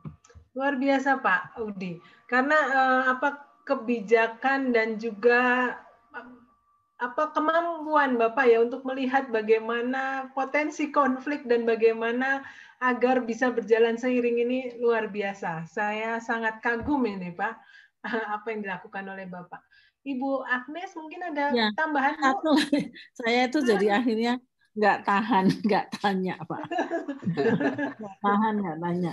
Banyak Bu, sekali yang sudah kita. Bu ya, Agnes, ya, Pak kita tunggu saja di Pujon Kidul ngopi bareng minum susu di sini pulangnya ah, bawa sayur bu Wah, itu. Okay. tapi di sini ada pak tapi di sini ada uh, desa-desa di Indonesia yang ingin mendengar siaran TV desa itu pak masalahnya. Jadi kita ya. masih punya waktu ingin bapak berbagi sekitar beberapa menit lagi pak. Ini oh, bukan setengah delapan sudah lewat ya ini ya setengah delapan ya, ya enggak, enggak. Oh. dikasih pertanyaan. dikasih, tapi ini dikasih waktu. ya Pak. Satu lagi aja Pak, kan salah satu indikator ya keberhasilan dari pembangunan desa itu berkurangnya orang miskin ya Pak ya. Yeah, yeah. tadi Bapak menyampaikan dulu kita susah gitu, berarti kan saya bayangkan miskinnya banyak gitu. Yeah, yeah, yeah. Nah setelah ini lalu ber, berkurang menjadi apa? Tapi yang lebih penting adalah bagaimana melibatkan mereka. Kan yeah. mereka tidak, Bapak kan tidak membagi uangnya hasil Betul. itu namanya dibagi kepada orang miskin begitu saja kan enggak ya Pak ya. Jadi bagaimana melibatkan mereka sehingga real Pak meningkatkan apa mengentas kemiskinan itu dengan memberikan katakan eh, peluang usaha dan sebagainya. J. Uh, Ibu di uh, program kami itu senantiasa sinergi dengan program pemerintah kabupaten. Kabupaten Malang itu punya program Eh, penurunan angka kemiskinan, eh, pengembangan potensi pariwisata, lingkungan hidup, eh, itu yang ter, yang dilakukan oleh pemerintah Kabupaten Malang. Kami juga melakukan di pemerintah desa. Jadi saya di, menyampaikan kepada rekan-rekan di BUMDes itu dan kepada masyarakat minimal 30 persen yang kerja di kegiatan BUMDes itu dari rumah tangga miskin. Alhamdulillah hmm. kita tampung semuanya, gitu ya. Kita tampung, kita tampung. Kecuali rumah tangga miskin yang sudah jompo dan sebagainya tidak mampu ya kita berikan manfaat yang lain, tentunya seperti hmm. itu.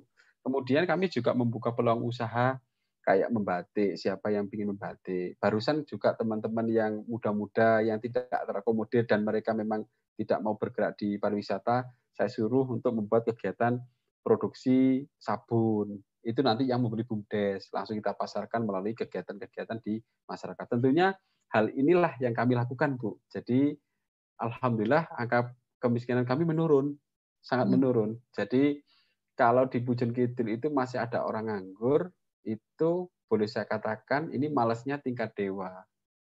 Gitu ya. Ini malas pol sudah karena semuanya laku, semuanya bisa bergerak sebenarnya. Salah satu contoh begini, teman-teman kemarin ada satu kelompok, tidak saya sebutkan di mana itu, tapi di wilayah Bujon Kidul itu ada pemuda yang masalah narkoba sampai dengan berurusan dengan kepolisian dan sebagainya. Tapi mereka itu pelaku-pelaku seni musik. Ya, saya hmm. coba masuknya dari mana nih? Oh, kesukaan mereka. Oke, saya kumpulkan di Gusi. Yang saya utus dulu perangkat saya. Coba kamu dekati, apa sih keinginan mereka? Padahal mereka itu punya talenta yang sangat luar biasa. Ternyata hmm. mereka tidak bisa menyalurkan hobinya tahun ini kemarin barusan satu minggu yang lalu langsung kami belikan alat musik 42 juta. Ya, 40 hmm. juta semuanya full. Akhirnya hari uh, dapat tiga hari mereka latihan, saya datang, mereka senang sekali. Saya sampaikan, kamu nanti bisa manggung di kampung budaya, kamu nanti bisa manggung di kafe sawah. Ketika ada tamu-tamu yang high class VIP, kamu bisa menyampaikan apa ber apa eh, menyampaikan ini apa kemampuan lah Hal ini yang kami eh, berikan kesempatan. Kemudian ada lahan desa yang itu di pohon-pohon bambu juga kami berikan kesempatan, ayo kelola itu buat kolam pancing dan sebagainya. Jadi apa pun sebenarnya yang mereka inginkan, ya asalkan itu sesuai dengan potensi kemampuan mereka akan kita berikan fasilitas bu, terutama dari rumah tangga miskin. Kecuali yang benar-benar sudah jompo dan sebagainya, kami tidak bisa bergerak ke sana. Jadi, seperti itu bu langkah kami. Ya. Matur nuwun sangat. Bu Yanti ini kalau diteruskan mungkin sampai subuh ya enggak akan sebelum, sebelum jam 8 WIB ya atau jam 9 WITA eh, satu pertanyaan. Pak, tadi ada lahan yang di eh, apa batas desa, ada yang di sekeliling perhutani, tanah perhutani. J. Ya. ya. Bagaimana hubungan karena tanah-tanah itu kan dikelola bukan milik desa atau bukan milik masyarakat. Apa ya. tipsnya, ya. Pak? Bagaimana biar bisa berhubungan dengan baik dan saling uh, menguntungkan? Ya, ini memang menjadi satu persoalan. Jujur saja, ketika ngomong dengan perhutani, saya pernah mengalami uh, habis-habisan ini kita. Makanya dana desa saya fokus mengembangkan hanya untuk di wilayah desa saya. Ya, ketika awal kami mengembangkan di wilayah perhutani, ya kita nggak apa-apa nyebut aja karena memang itu terjadi di mana pun, terutama di Pulau Jawa ini memang agak masalah sehingga terjadi konflik. Teman kami juga ada yang pernah dipermasalahkan secara hukum sampai di penjara juga pernah. Padahal mereka ingin merawat hutan ini menjadi lebih baik. Nah, oleh karena itu sebenarnya ada peluang celah di sana melalui PKS perjanjian kerjasama yang itu oleh kelompok masyarakat dengan perhutani. Tapi memang ya saya nggak bisa ngomong lebih lanjut ya memang ada dinamika di dalam PKS itu. Sebenarnya pemerintah juga memberikan namanya kesempatan perhutanan sosial. Tetapi di Bujon Kidul berdasarkan pengalaman memang BUMDesa tidak menjalin kerjasama dengan perhutani. Masyarakat bekerja sama dengan perhutani melalui kelompok di mana memanfaatkan lahan yang ada di bawah tegakan untuk ditanami eh, rumput gajah sebagai pakan ternak bagi petani yang ada dan peternak yang ada di Desa Pujon Kidul. Jadi itu Bu yang uh, di uh, Desa Pujon Kidul yang dilakukan oleh uh, lembaga masyarakat Desa Hutan LMDH itu dilakukan kerjasama dengan uh, perhutani. Begitu Bu Janti? C? Masih mute Bu. Iya, iya, lupa, sorry, maaf. Eh, terima kasih Pak uh, Udi. Pak Udi, apa namanya ada pesan mungkin Pak buat teman-teman di Indonesia Raya ini yang dari desa-desa ini uh, ayo bangkitnya itu Pak. ada pesan Pak? J. Ya. Uh, teman-teman kepala desa semuanya, para penggerak pemberdayaan, bumdesa dan sebagainya yang uh, bergabung pada acara malam hari ini seperti yang sering saya sampaikan ketika eh, desa-desa yang lain berkunjung ke tempat kami, uh, ayo kita mencetak sejarah di kehidupan kita dengan tinta emas. Kesempatan tidak datang dua kali.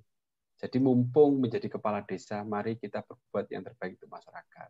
Jadi prinsipnya uh, jadilah manusia yang bermanfaat untuk masyarakat, untuk manusia yang lain. Karena apa? Sebaik-baik manusia adalah manusia yang bermanfaat untuk manusia yang lain. Mungkin itu pesan saya, Bu. Mumpung masih ada kesempatan jadi kepala desa. Yuk berbuat yang terbaik. Tidak Terima ada yang tidak banyak, mungkin. terima kasih. Terima kasih banyak Pak. Kami selalu mendoakan Pak Udi sehat selalu, keluarga besar Amin. semua. Pujon juga ya Pak, apa biar sukses dan kami bisa meniru Pak eh, langkah-langkah baik yang dilakukan di sana. Eh, Ibu Putih mungkin Ibu ada pesan? Uh, ya, uh, saya dari secara teori memang uh, masih banyak kira-kira nanti yang bisa dilakukan untuk membantu teman-teman di berbagai desa di Indonesia ini uh, supaya bisa sama maju bareng-bareng meningkatkan potensi yang ada di desanya. Uh, ditunggu ya Pak, saya juga pengen main nih ke desa Bujon. Oh iya Bu, J, J. Baik, terima kasih. Putih udah nyatet-nyatet jadwalnya, Pak. Ji, Dan, kontak ya. saja saya, Bu. Monggo, silahkan. Ji. ya, jadi uh, di ITS kami juga punya program KKN tematik, Pak. Jadi Ji. yang langsung me, apa menyentuh untuk uh, masyarakat desa, mungkin kami juga akan menerjunkan anak-anak kami untuk belajar sebetulnya, Pak, sehingga mereka bisa meniru apa yang di uh, yang sudah sangat bagus di tempat Bapak untuk bisa diduplikasikan di tempat-tempat yang lain. Terima kasih. Sekali. Mohon izin Bu Janti terkait KKN. Ya. Mohon izin, boleh nggak saya usul? Boleh dong, sangat yeah, boleh. Yeah, yeah. gini Bu, selama saya jadi kepala desa banyak pengalaman didatangi KKN dan sebagainya. Tetapi mohon izin, eh, kadang KKN itu, mohon maaf sekali lagi mohon maaf, ye, eh, terkadang memaksakan program yang dari kampus satu, terkadang memaksakan program yang dari teman-teman eh, mahasiswa sendiri. Jadi rekan-rekan mahasiswa terkadang memaksakan harus ini itu dan sebagainya. Maka Pujon Kidul hingga saat ini berdasarkan pengalaman itu sementara tidak menerima KKN karena apa? Terlalu memaksakan. Jadi hmm. saya memang kalau ingin KKN di sini programnya harus mengikuti program dari pemerintah Desa Pujon Kidul sesuai dengan RPJMDes aturan ini dan sebagainya itu. Karena apa? Kalau tidak seperti itu maka energi kami akan habis ngurusi anak-anak KKN. Padahal PR hmm. kami banyak apa APBD kita kami terus berjalan dan kami harus menyelesaikan banyak masalah. Jadi punten mohon maaf harapan kami memang KKN itu harus sesuai dengan kondisi yang ada di lapangan. Sama halnya dengan itu tadi aturan desa, ada kearifan lokal, nggak boleh dipaksakan Jakarta, Aceh sampai Papua disamaratakan, nggak bisa bu. Ya, ini sampai kapan pun kiamat kurang dua hari nggak akan berhasil program KKN kalau seperti itu. Kiamat kurang dua hari. Ini ada anu Bu Yanti, ada Pak Waluyo Bu Yanti. Mungkin oh, Pak ya. Waluyo bisa Pak membantu. Pak Pak gitu. Iya. Pak Udi, termasuk sebetulnya kami ingin juga share Pak bahwa program KKN ITS itu justru kami membantu program desa, bukan kami eh, justru ITS yang perlu mengadap adaptif ya Pak ya, merespon bagaimana kebutuhan desa, kemudian kita kita belajar bersama antara dosen dan mahasiswa. Ya, Pada intinya desa butuh hmm. pendampingan dari kampus, seperti itu. Iya, Pak Waluyo ada ada di sini, Bu? Ada. Iya. Ya, Bu, saya oh, saya agak ini apa namanya bermasalah. Jadi gelap. Oh. Ya, lanjut aja. Bagus, Bu. Saya nyimak kok. Ya, okay. maksudnya gini ya. Pak Udi, Pak Waluyo ini ini yang mengembangkan produk-produk menjadi lebih kreatif sehingga nilai ya. jualnya menjadi lebih tinggi gitu. Saya kira itu nanti akan bisa bersinergi dengan eh, apa desa wisata tadi karena kan pro, uh, mungkin yeah. kan ada produk lokal yang dijual di desa wisata, sedangkan yang datang bisa jadi kan orang-orangnya tuh uang uangnya mungkin agak banyak gitu dan seleranya lebih tinggi. Nah, Pak Maluya yeah. ini dari desain produk, Pak. Yeah. Ini mungkin nanti bisa sinergi dan membantu Bapak untuk pengembangan uh, produk lebih bagus gitu, Pak. Yeah. Uh, jadi begini, Bu. Uh, kami sangat membutuhkan desa-desa bukan kami ya bukan hanya Pujon Kidul tapi banyak desa yang ada di Indonesia itu membutuhkan pendampingan. Dari banyak disiplin ilmu insya Allah akan bermanfaat di desa. Tapi bentuknya bukan KKN tapi pendampingan full. Ya ada MOU mohon maaf eh, saya 2000 kami di Pujon Kidul 2014 15 setelah kami mengadakan pemetaan potensi dan masalah eh, MOU dengan Unibro untuk menggarap master plan pembangunan desa ya hmm. itu dua tahun selesai jadi semuanya didampingi nah di tahun 2019 ini sampai selesai nanti nggak tahu kapan selesainya kami sudah MOU dengan Universitas Muhammadiyah Malang jadi hmm. kami MOU dengan UMM semua fakultas mulai pertanian peternakan semuanya hmm. termasuk uh, pembuatan produk-produk pembuatan video dan sebagainya kami bekerja sama MOU jadi sifatnya bukan bukan hanya KKN sebentar kemudian pulang, tetapi bagaimana kampus itu memang full mendampingi, jadi mulai dari uh, hulu sampai hilir, ya karena memang permasalahan desa itu terbatas SDM. Sampai saya ditanya, Pak kendala yang terberat apa ketika membangun itu? Saya sampaikan SDM. Ya, kalau SDM-nya itu mumpuni, mungkin tak ajak lari 100 km akan semuanya akan ngikut 100 km. Tapi ketika di belakang ini SDM 4000 ini tidak sama. Ketika saya mau lari 100, saya harus berhenti dulu, nunggu yang belakang, nyampe baru berangkat lagi. Tetapi ketika ada pendampingan dari kampus ini, insya Allah saya yakin maka semuanya akan bergerak. Jadi konsepnya MOU bu, bukan KKN. Jadi ya, ya karena ya, akan ini menjadi desa binaan betul. KKN gitu. itu sebetulnya bagian dari semua kegiatan uh, apa pengabdian masyarakat di kampus, Pak. Jadi mungkin nanti J. apa yang Pak harapkan itu akan terwujud karena bukan hanya sekedar memenuhi keinginannya mahasiswa untuk dapat kredit KKN gitu. Tapi ini adalah pengabdian masyarakat dari kampus yang dibantu oleh mahasiswa KKN. Siap, Bu. Jadi bisa siap. bisa berkesinambungan gitu, Pak. Betul, Ji. Oke. Okay. Uh, eh, itu Baik, Bu Yanti. Um, ya. Saya kira lewat lagi, Pak Bu Yanti jamnya. Udah lewat ya. Saya mau anu menutup ini.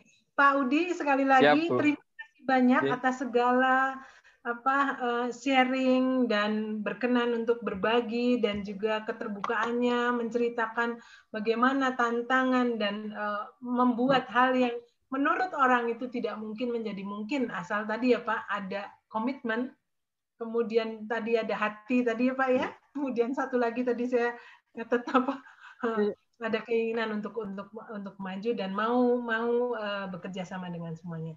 Uh, sekian ini uh, acara kita hari ini kerabat desa. Terima kasih atas uh, perhatiannya. Selamat malam.